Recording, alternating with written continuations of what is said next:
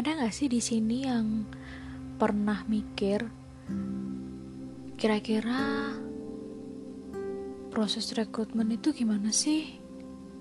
Atau ada yang memang sudah pernah ikut proses rekrutmen? Atau ada nih yang sekarang lagi senang-senangnya nerima panggilan dari HRD ada nggak? Atau mungkin ada dari beberapa kita yang sekarang lagi harap-harap cemas? Kapan nih aku bisa dipanggil sama HRD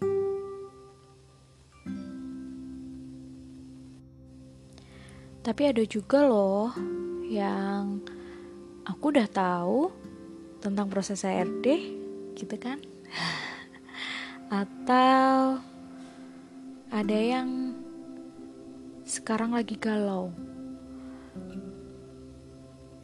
Galaunya karena aku udah sering ikut proses ARD, aku udah sering ikut proses rekrutmen, tapi kok susah ya caranya biar lulus? Gimana sih caranya biar kita bisa lulus proses rekrutmen? Gimana sih caranya biar kita bisa diterima sama HRD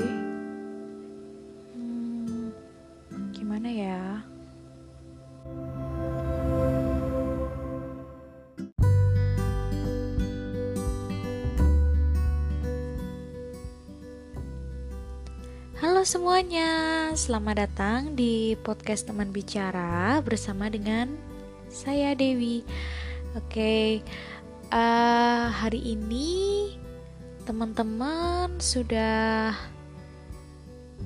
beraktivitas belum? Sudah melakukan aktivitas apa saja? Mungkin ada yang sekarang sedang bekerja, atau yang sudah pulang kerja, ada yang mau tidur, ada yang sekarang lagi makan siang mungkin. Lagi-lagi saya mau ucapkan selamat datang.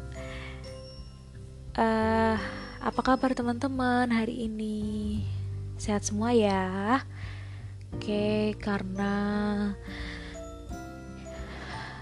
tahun ini kita lagi harus berdampingan dengan covid nih. Jadi saya nggak bosan-bosan buat mengingatkan teman-teman jangan lupa untuk tetap jaga kesehatan. Kalau misalnya yang ada vitamin atau apalah untuk menjaga kesehatan gitu ya.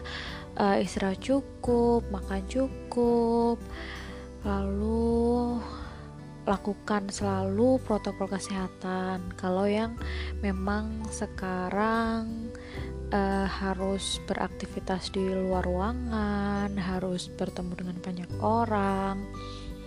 Lalu jangan lupa juga untuk tetap pakai masker kalau untuk yang keluar. Nah, untuk yang sekarang sedang WFH nih, Selamat bekerja juga, selamat menikmati waktu di rumah. Mungkin ada yang bersama saudara, bersama keluarga, ada juga yang mungkin sedang di kos sendiri, uh, kerja sendiri, gitu ya. Pokoknya selamat melakukan aktivitas kalian. Nah, teman-teman, uh, melanjutkan dari yang kita udah bicarakan di podcast yang kemarin, saya mau melanjutkan nih, karena kan kemarin kita sudah sempat uh, bahas ya, sudah sempat mungkin mulai untuk membicarakan tentang rekrutmen, tentang HRD gitu ya. Jadi memang topik itu adalah yang akan kita angkat pada sesi yang selanjutnya ini gitu. Nah, kira-kira ada nggak sih yang udah tahu kira-kira rekrutmen itu apa sih? Ada yang tahu nggak? Pasti tahu lah ya, karena kan teman-teman yang pasti uh, sudah pernah mengalami ya, at least ketika teman-teman mungkin pernah ikut organisasi, mau masuk organisasi kan biasanya ada tuh open recruitment. Lalu hmm, kalau yang sekarang masih sekolah, masih SMA, uh, eh, mungkin ketika kita harus ikut di penerimaan siswa baru kita itu adalah ya namanya sistem rekrutnya rekrut siswa gitu. Lalu kalau yang SMA atau kuliah kan ada tuh program magang. Nah itu kan kalian juga ikut tuh program uh, ikut di proses rekrutmen juga entah itu di perusahaan atau di sekolah.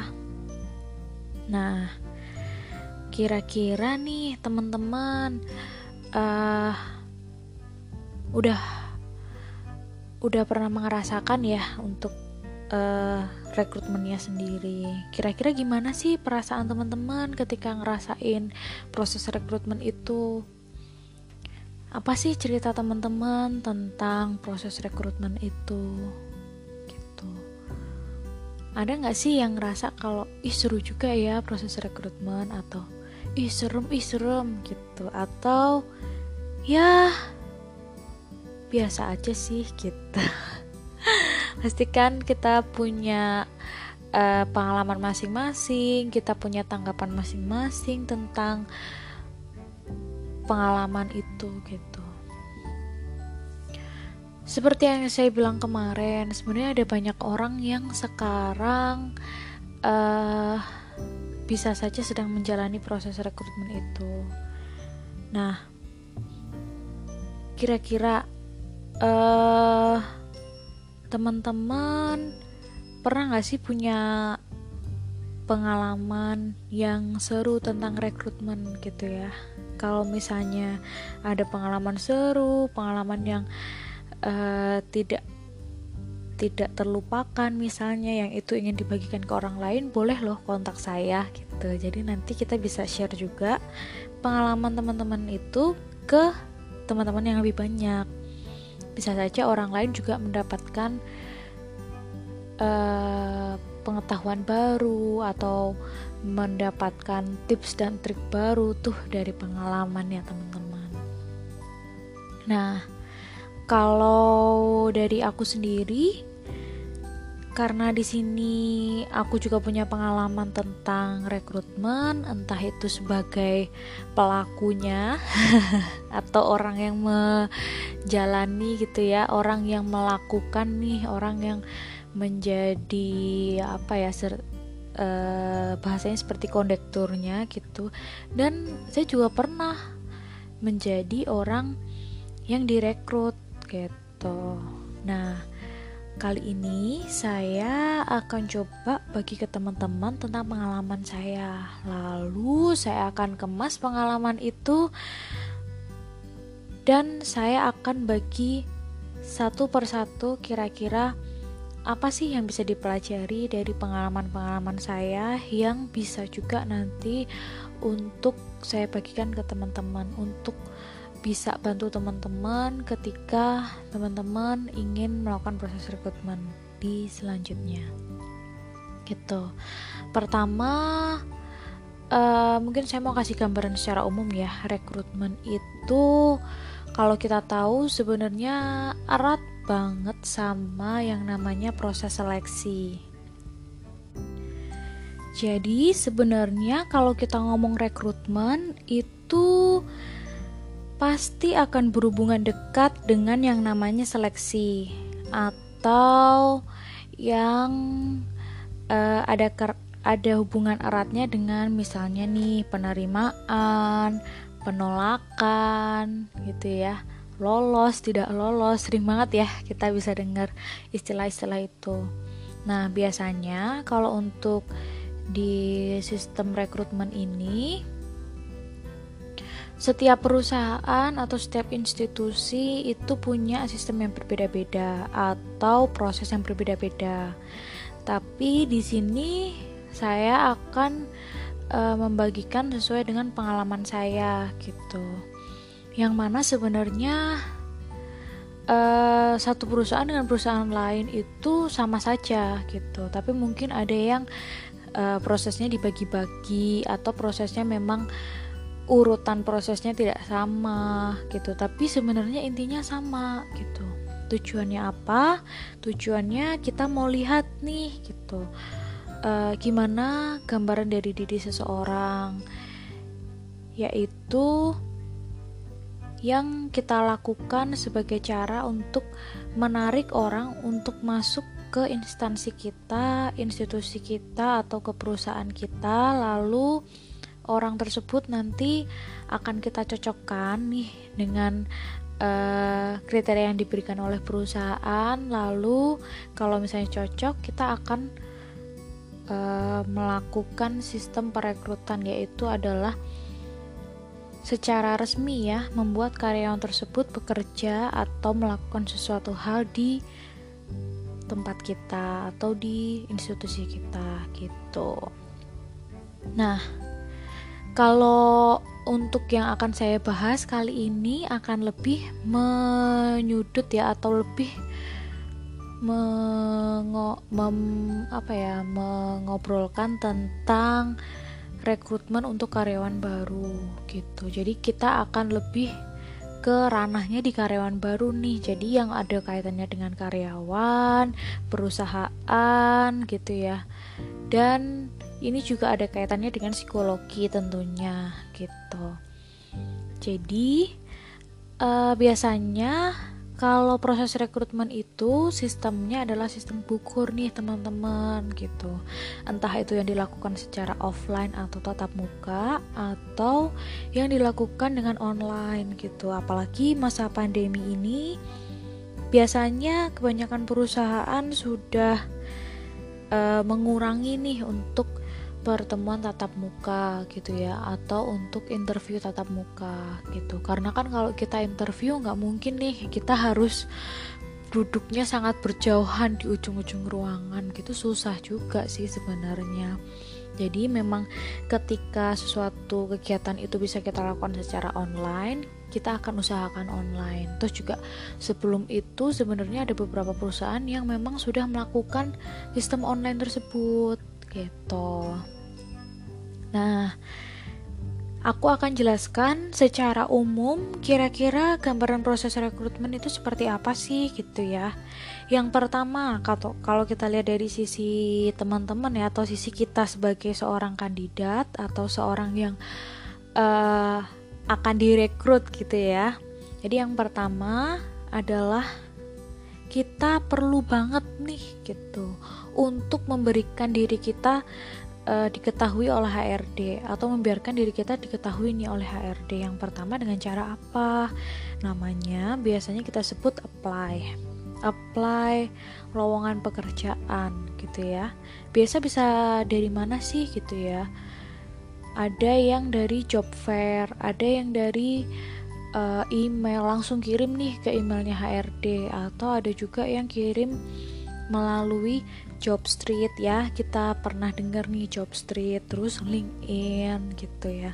Ada banyak hal sebenarnya ada banyak metode yang sekarang gitu. Ada banyak kan ya sekarang udah bermunculan nih kayak platform platform sosial media nih kayak semacam sosial media yang dia memang menyediakan tempat bagi kita untuk melamar gitu ya ke suatu perusahaan gitu lalu nih kalau misalnya memang lamaran kita udah sampai uh, biasanya HRD akan cek kalau misalnya memang kualifikasi dari diri kita atau pengalaman kita, profil diri kita secara umum sesuai nih dengan apa yang dicari oleh HRD, biasanya HRD akan panggil kita gitu.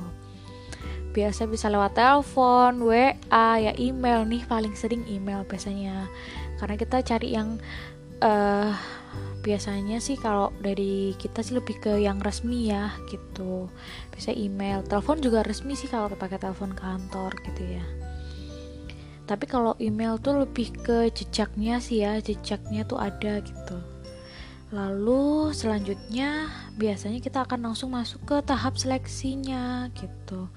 Tahap seleksi sebenarnya untuk dari CV pun kita sudah menseleksi ya dari awal gitu. Tapi untuk masuk ke tahap seleksi yang selanjutnya ini lebih ke adalah seleksi yang orang-orang yang memang sudah sesuai gitu yang sudah HR dianggap sesuai.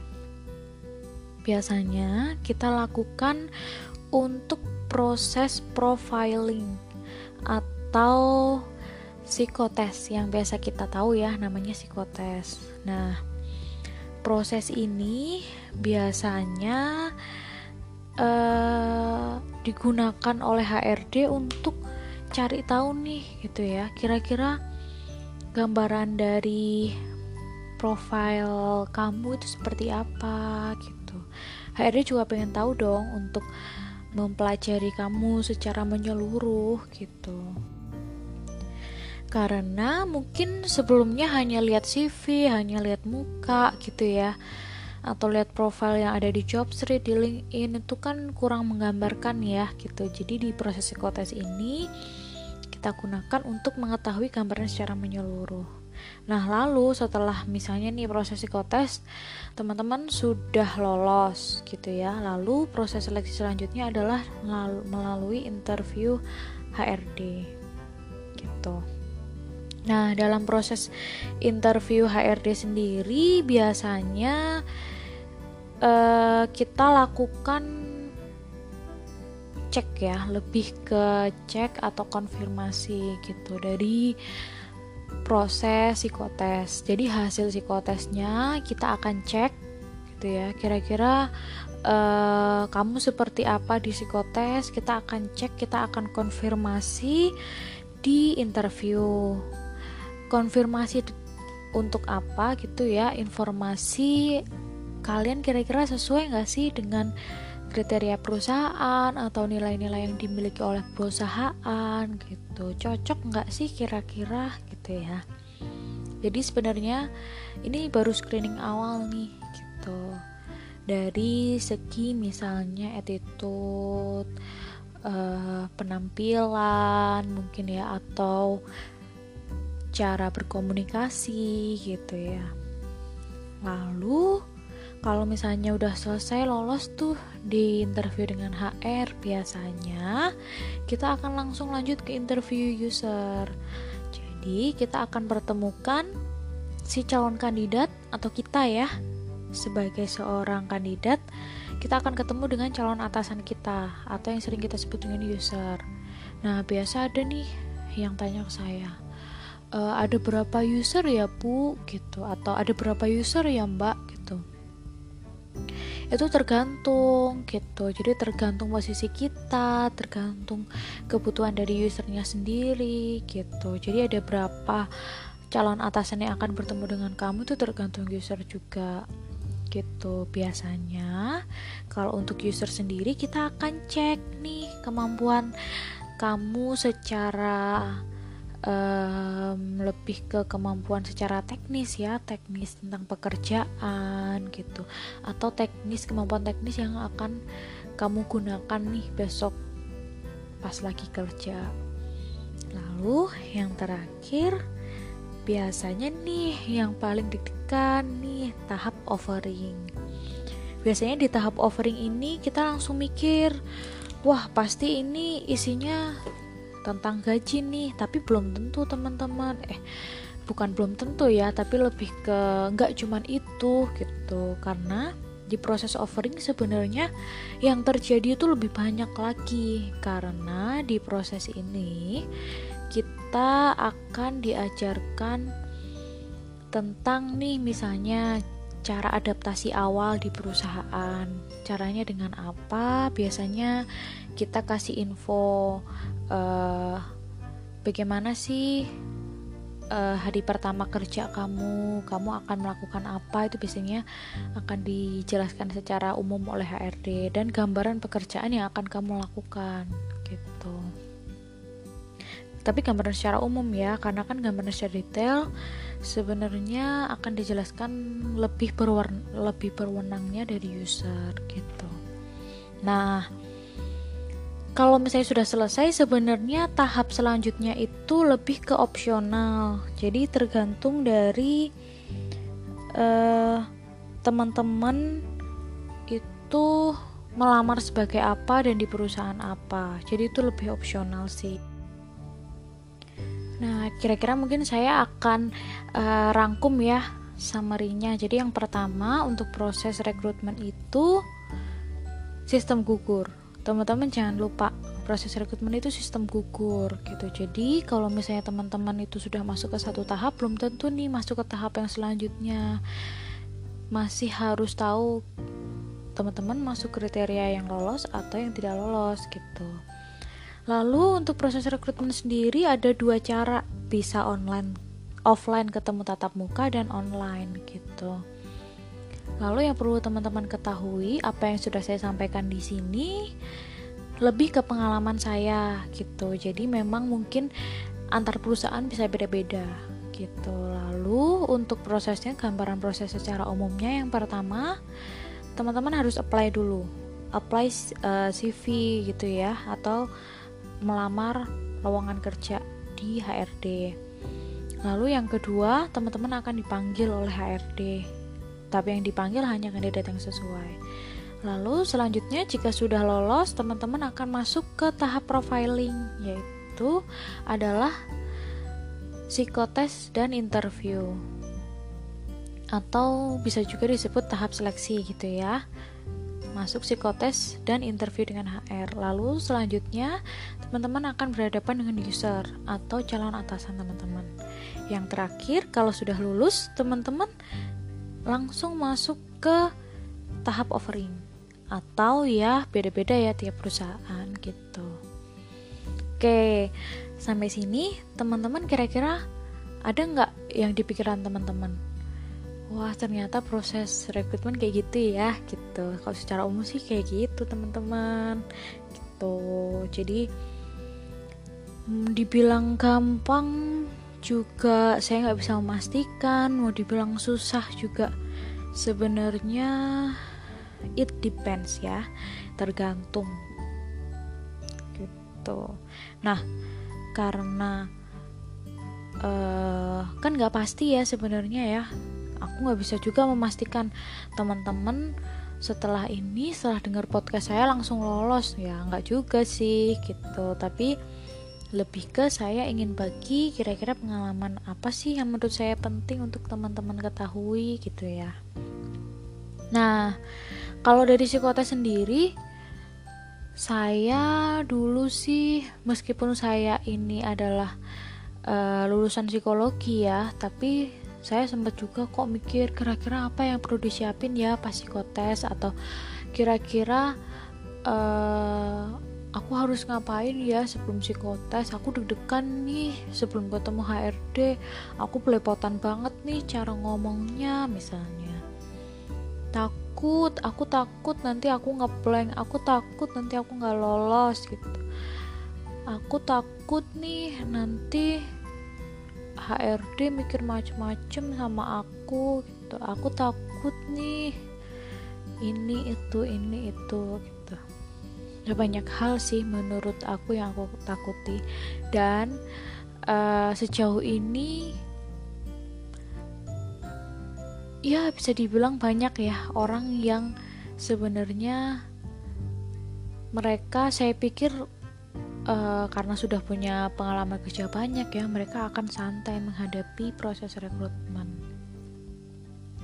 Tapi nggak juga sih karena dari saya sendiri atau mungkin teman-teman yang tanya ke saya gimana sih caranya untuk proses rekrutmen? gitu. Gimana sih caranya biar lolos? tanya ke saya. Ya saya nggak bisa memastikan gitu.